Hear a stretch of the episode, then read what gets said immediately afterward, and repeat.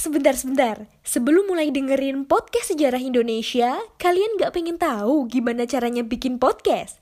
Yakin? Gak susah kok. Coba deh download Anchor Podcast. 100% mudah, 100% gratis.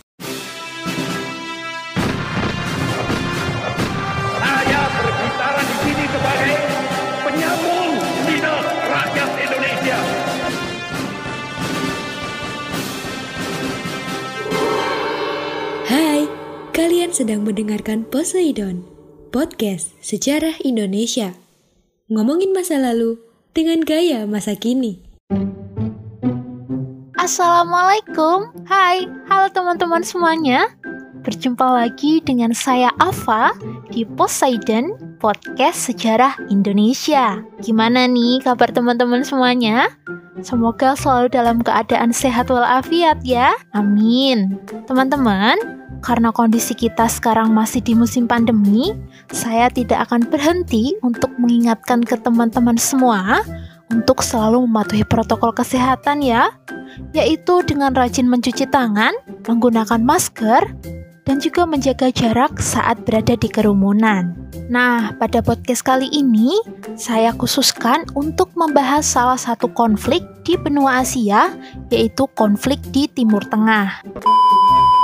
Ngomongin tentang konflik, pasti nggak jauh dari yang namanya perang. Apa yang ada di benak kalian saat mendengar kata perang? Nah, jadi perang sendiri menurut Kamus Besar Bahasa Indonesia adalah permusuhan antara dua negara. Perang sering kali digunakan sebagai jalan utama untuk mencapai sebuah tujuan. Kawasan benua Asia dihuni oleh berbagai bangsa dan negara. Konflik yang terjadi di negara-negara benua Asia disebabkan oleh berbagai faktor. Salah satu faktor yang mendorong munculnya konflik di benua Asia adalah pengaruh Perang Dingin. Pada dasarnya, Perang Dingin merupakan perebutan pengaruh antara Uni Soviet dan Amerika Serikat. Akan tetapi, negara-negara di kawasan benua Asia turut menjadi daerah perebutan pengaruh antara dua negara besar tersebut. Selain itu, konflik dipicu oleh masalah klaim wilayah dan pertikaian antar etnik. Bagaimana perkembangan konflik di wilayah Asia, khususnya di daerah Timur Tengah? Stay tune ya! Nah, teman-teman tahu nggak sih negara mana saja yang termasuk kawasan Timur Tengah? Jadi, kawasan Timur Tengah sering juga disebut kawasan Asia Barat. Pada zaman kuno, kawasan Asia Barat atau Timur Tengah merupakan kawasan peradaban Mesopotamia. Peradaban ini dibangun oleh berbagai suku bangsa yang menempati kawasan Asia Barat. Sejak dahulu, kawasan Asia Barat ini dikenal maju dan kaya akan hasil alam loh. Bahkan, hingga saat ini, kawasan Asia Barat yang didominasi gurun pasir masih menjadi daerah yang memiliki kekayaan hasil alam, khususnya minyak bumi. Minyak bumi merupakan salah satu kekayaan negara-negara di Timur Tengah. Meskipun demikian, hasil alam tersebut juga mendorong terjadinya konflik antar negara di kawasan Timur Tengah. Faktor kepentingan negara-negara asing di kawasan Asia Barat turut memicu konflik antar negara. Salah satunya yaitu konflik antara Palestina dengan Israel. Konflik Palestina dengan Israel merupakan konflik berkepanjangan yang telah berlangsung selama berpuluh-puluh tahun sejak 1948. Konflik ini bermula ketika Inggris membentuk negara Israel yang merupakan negara kaum Yahudi di wilayah Palestina yang didominasi kaum Muslim Arab. Dalam buku Complete History of the World, 8 edition tahun 2010, halaman 328, dijelaskan inti konflik adalah perebutan di wilayah jalur Gaza, tepi barat, dan Yerusalem Timur. Penyerangan-penyerangan di antara kedua pihak selalu terjadi.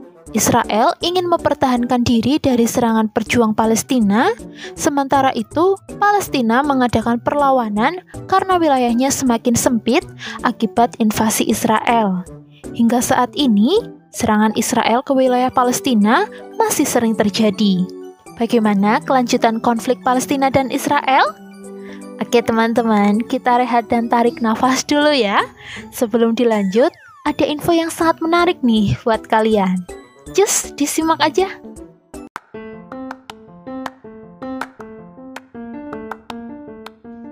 Halo Sobat Poseidon, kalian pasti sudah tidak asing lagi dengan Anchor. Yap, aplikasi penyedia jasa untuk para podcaster pemula dan juga pro. Buat kalian yang pengen mulai nge-podcast, langsung download aja Anchor di App Store ataupun di Play Store. Di sana, kalian bisa nge-podcast dengan banyak banget pilihan background musik. Setelah itu, kalian bisa mempromosikan podcast kalian ke mana pun.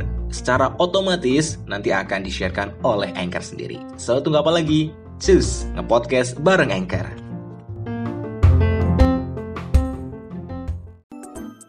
Nah, balik lagi ke konflik.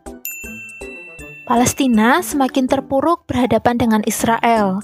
Sementara, perhatian dan bantuan dari negara-negara Islam semakin sulit didapatkan.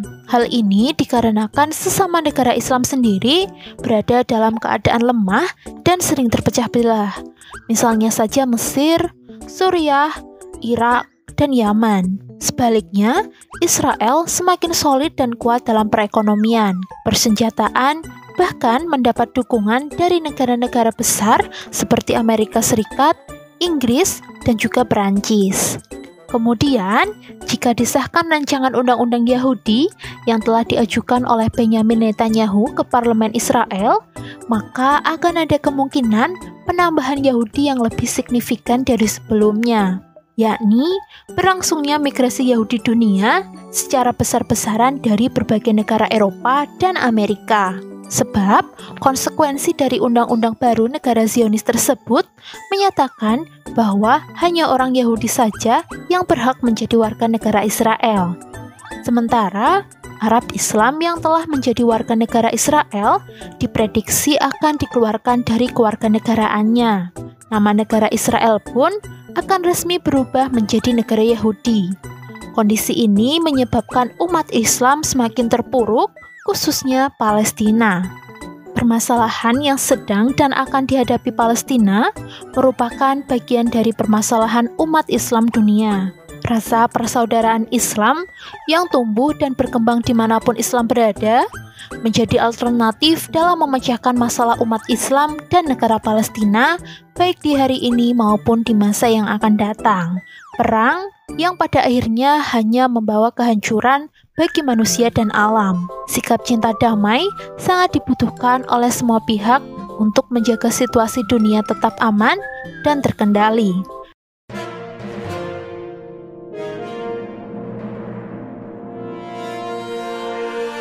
Hai teman-teman, saatnya kita masuk di segmen History Flash. Ada yang hobi menonton TV? Hanya dengan mengurangi brightness dari televisi, Anda mampu berhemat lebih dari 1,5 juta rupiah setahun. Mengunyah permen karet dapat meningkatkan kemampuan berpikir cepat dan kewaspadaan hingga 10%.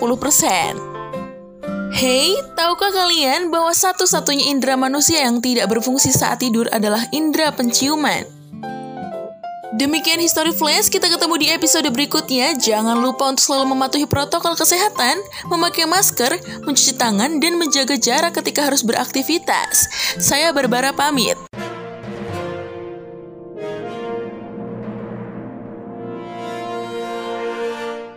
Gimana?